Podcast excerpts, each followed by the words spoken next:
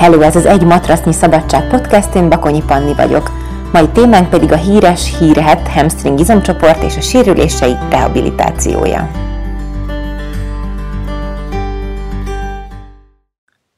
Talán nincs is olyan jogázó, aki nem húzta volna már meg a combhajlítóját, hogy ne is beszéljünk a szakadásos sérülésekről, ezért fontosnak tartom erről beszélni, én is ezt a csoportot erősítem, sajnos vagy szerencsére, sajnos, mert nem jó combhajlító sérültnek lenni, szerencsére, mert igazából rengeteget, rengeteg mindent köszönhetek ennek, kb. az egész mostani életemet, de erről majd később mesélek. Szóval a combhajlító, az a comb hátsó oldalán lévő izom, és hát nem a comb, hanem a tért hajlításáért felel, három különböző izomból áll össze, ezért hamstring csoportnak is szoktuk mondani, ez ilyen egyszerűsítés csak, hogy a combhajlítóm, ez a három különböző izom, ez a kétfejű combizom, a félig inas és a félig hártyás izom. Elmesélem először, hogy én hogyan sérültem meg, és hogy miket csináltam utána, és aztán majd levonom a konzekvenciákat, ami remélem, hogy neked is segít, hogyha esetleg ilyen helyzetben vagy, amiben viszont biztos segít a megelőzésben, mert az mindig jobb, mint a szíves helyzetek kezelése. Szóval um, én uh, fél év eltéréssel szaka, szakítottam el mind a két combhajlítómat.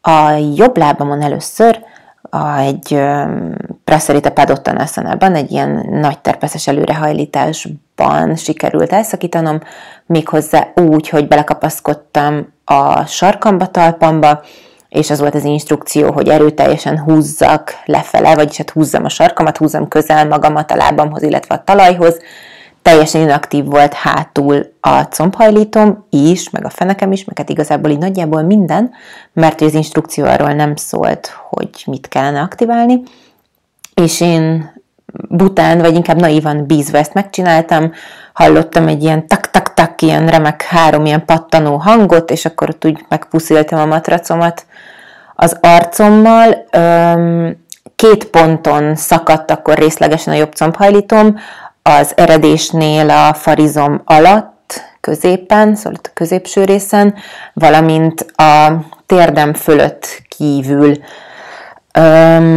A másik, a bal, az nagyjából fél évvel utána szakadt el. Itt nem én voltam ez a külső erő, aki elszakította, hanem egy tanár nyomott bele egy spárgába, amiben nem kellett volna. Szóval mindkét alkalommal két-két helyen, teljesen szimmetrikusan ugyanott, a farizom alatt, az eredésnél és a térdem fölött jobb oldalt kint. Mm, mind a kettő beduzzadt, fájtak konkrétan mindenre, mint így mindenre. Ha csak úgy voltam, akkor is fájtak. A mozgástartományom nyilván nagyjából nulla lett, ha jártam fájt, ülésre nyilvánvalóan fájt, nyújtani nem lehetett, aktiválni sem tudtam így botorkálva jártam, meg hát próbáltam túlélni. Tényleg az összes mozgás mintám kuka volt, amiben a lábaim részt vettek. Nyilvánvalóan a csípőm is beállt emiatt. Szóval a szervezetem a sérülés után elkezdett ugyebár félreterhelni, mert valahogy életben kell maradni, ha ezek az izmok nem működnek, használjunk mást. Több évig tartó rehabilitációs folyamat vette kezdetét, ez most már egyébként szerintem nagyon rossz vagyok az években, de talán hat éve volt. De lehet, hogy csak öt, nem tudom. Igazából ez mindegy is. Az első sérülés után mm, még végignyomtam a joga órát, nem, nem, nem, ne csináljatok ilyet, nem jó. És aztán elmentem a sportkórházba, ahol beutaltak ilyen mindenféle rezektetős, remektetős fizioterápiákra, és azt mondták, hogy pihentessem én ezt megcsináltam, és semmivel nem lett jobb. Majd, majd az volt a véleménye az orvosnak, hogy hát nincs is magának semmi baj, az, hogy fáj, az fáj, szokjon hozzá. Itt kezdtem el keresni valami másik szakembert, aki esetleg tud nekem segíteni. Jártam mm, masszázsra, illetve többféle ilyen rehabilitációs tornára, majd ennél a másik, nagyjából fél évvel utána a spárgába belenyomásnál elszakadt a másik is. És akkor tovább folytattam a rehabilitációkat, de alapvetően teljesen hatástalanok voltak. De itt tényleg teljesen, azt hiszem három év után volt először az, hogy egy ilyen terápia az elérte azt, hogy három napig nem éreztem fájdalmat. a mennyországban éreztem magamat, és azt éreztem, hogy van remény. Aztán itt is visszatért a fájdalom. Ezt úgy képzeljétek el, hogy, hogy valóban napi szinten az összes tevékenységben, mármint a hétköznapi tevékenységekben a pakolj ki a mosogatógépből, vagy a hajolj le bekötni a cipődet, esetleg állj lábújhegyre, vagy utaz mozgó lépcsőn úgy, hogy nem tudom, az egyik térdeden a gyereket viszed, a másik meg ki van nyújtva. Szóval tényleg konkrétan minden egyes mozdulatnál fájt. Nyilván iszonyatosan nehéz volt így tanítani, egyrésztről lelkileg volt nagyon nehéz tanítani, mert képtelennek éreztem magamat, alkalmatlannak éreztem magamat, stb. Másrésztről fizikailag is rohadt nehéz volt így tanítani, mert nem tudtam előrehajolni. Um, Kitérnék most arra, hogy miért sérül ilyen könnyen ez az izomcsoport, és hogy miért sérül ilyen könnyen a jogában, miért általános ez a sérülés. Az ülő életmód miatt az úgynevezett hátsó lánc, vagyis a hát, hátul, hátulsó oldalunkon lévő izmok, combhajlítók, a farizom, illetve a gerincfeszítők, az alhát izmai meglehetősen inaktívak. Hát gondolj bele, ha ülsz, akkor nem kell őket használnod. Szóval a combhajlítód az 99% hogy inaktív. Egy inaktív izom az általában gyenge és rövid is. Plusz az elején még azt is említettem, hogy ez igazából nem egy izom, hanem egy izomcsoport, aminek a tagjai jó, hogyha így el tudnak csúszni, mozdulni egymáson, de legtöbb esetben sajnos az izmot körül ölelő izompója is össze van tapadva. Szóval van egy ilyen alaphelyzet, hogy, hogy érzed, hogy valami nem stimmel, és mondjuk nem tudom, előrehajolsz, és nem éred el a tenyereddel a talajt, biztosan be van állva akkor az izmod, és így jó hiszeműen elkezdesz rá nyújtani. Én is ezt csináltam, és ugye a jogában is ezer is a száma nincsen az előrehajlításoknak, amik így ebben a fenti szenárióban nagyon-nagyon-nagyon nem tesznek jót. És sajnos ezt kevés jogatanár, illetve kevés edző tudja, és még kevesebb ember. Miért nem tesznek jót? Miért nem tesz jót a combhajítónak ez az ilyen inaktív hajolj előre nyújtás? Azért, mert, mert egy inaktív gyenge kinyúlt izmot tovább nyújtani, az egyenlő a húzódással, szakadással. Gondolj bele, van egy gumiköteled, az, ami, ami nagyon-nagyon el van vékonyodva, és nagyon-nagyon ö, gyenge. Most, ha ezt széthúzod, akkor sokkal nagyobb nem lesz, vagy sokkal ö, hosszabb nem lesz, mint eredetileg, viszont nagyon hamar elpattan. Míg hogyha van egy erős, rugalmas gumiköteled, azt ugye nyilván jobban tudod nyújtani, az egész ruganyossága megmarad. Szóval azért sérül könnyen, mert rosszul állunk hozzá, mert azt hisszük, hogy az, hogy az előrehajlásokban mondjuk nem ér le a tenyerünk a földre, az annak az eredménye, hogy be van állva a combhajlítónk, és arra a nyújtás lesz a jó. Erre jön még rá egy olyan külső behatás, az én esetemben például kettő is.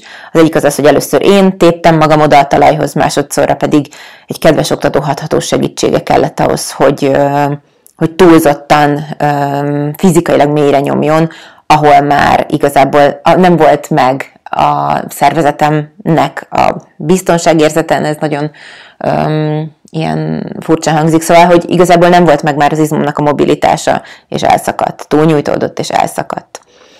Én a rehabilitációm alatt tanultam meg, hogy mi lett volna a megelőzés útja. Ez egy elég fájó lecke, de hát ez van. Legalább elmondom, és akkor most már ti profitáltok belőle. Szóval a nulladik lépés az erősítés méghozzá nagyon-nagyon-nagyon okosan és odafigyelve.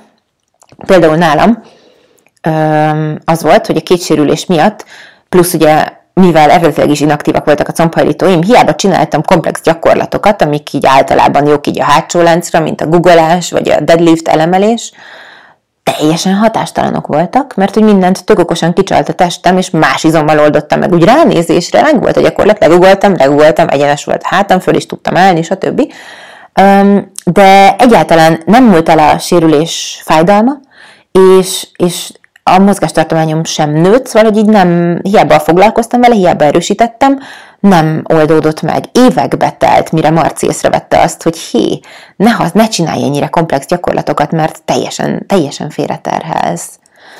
Um, ilyenkor uh, kezdtem el lebutítani abszolút a gyakorlatokat, és, és célzottan foglalkozni a combhajlítóval, illetve a farizom erősítéssel. Komplexen az lett a megoldás, hogy először is Marci ilyen EVLM technikával a hegeket, amik a sérülés után maradtak az izmon, azt így kikaparta, kioldotta. nagyon fájt, de nagyon, viszont utána érezhető könnyebbség volt. Az alsó szakadások öm, öm, helye, vagy hogy mondjam, fájdalma, ami a térden fölött volt mind a két oldalon, az teljesen, teljesen elmúlt. Majd csináltam ö, célzottan a combhajlítóra faszia gyakorlatokat. Ilyen faszi gyakorlatokat töltöttem fel a Spár Életmód program videói közé, pont erre, hogyha nem találod, akkor sikíts és elküldöm őket, megmutatom a linket. Szóval ez volt az egyik, a faszi gyakorlatok.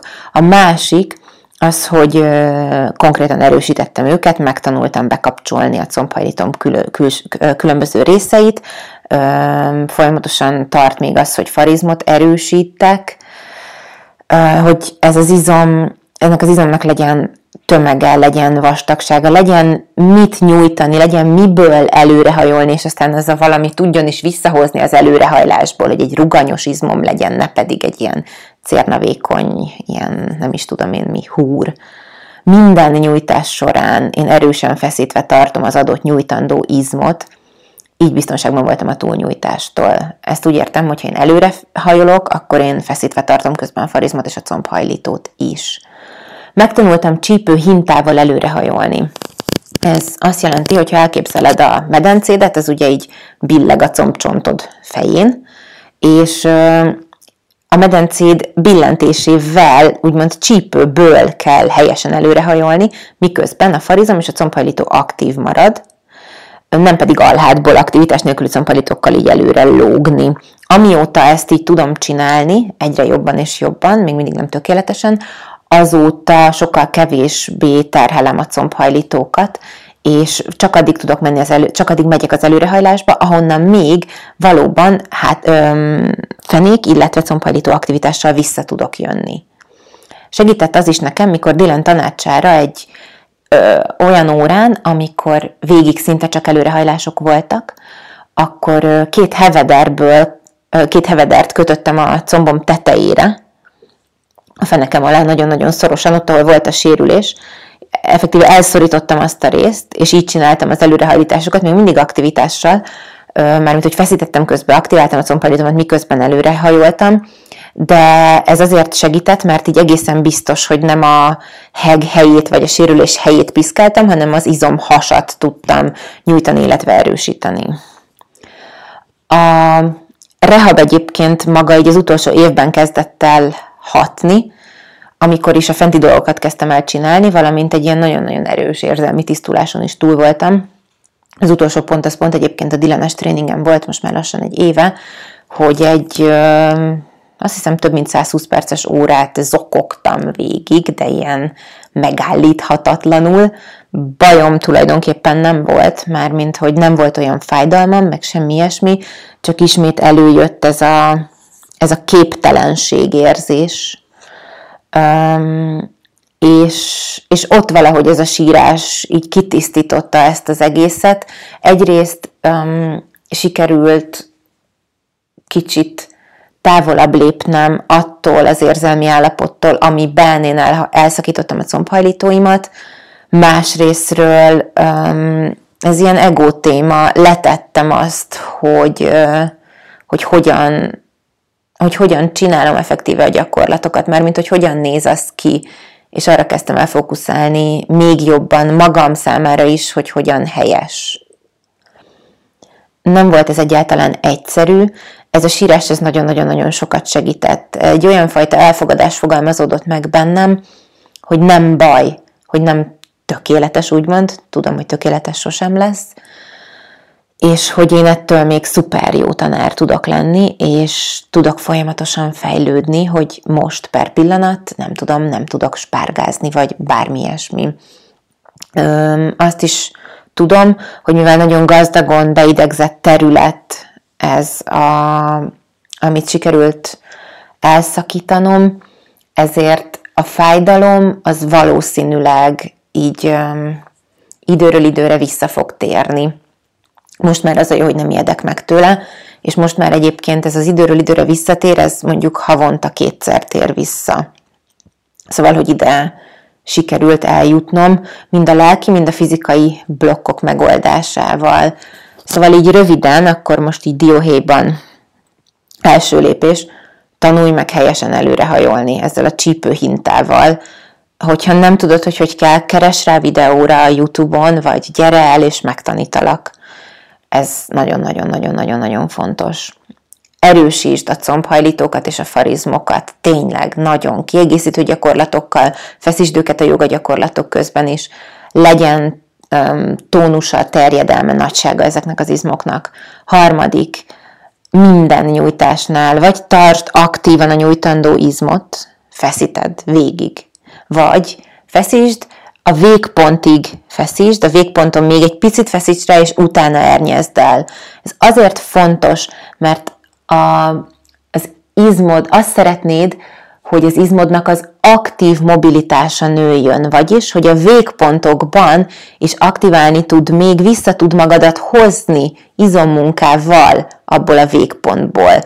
Nagyon egyszerű példa, előrehajlításnál ne a hátizmaidat kelljen használni, és ne az alhátadat nyírt ki azzal, hogy följössz belőle, hanem csak addig menj bele, ameddig még a fenekedet, meg a combhajlítódat feszítve tudod tartani, magyarul azoknak az aktiválásával tudsz belőle visszajönni. Így leszel biztonságban a túlnyújtásból. Szóval előrehajlás, aktív nyújtás, erősítés, ezek a nagyon-nagyon-nagyon fontosak.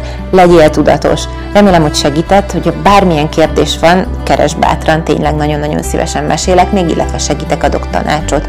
Panni voltam, ez pedig az Egy Matracnyi Szabadság Podcast. Legyen csodaszép napot, szia!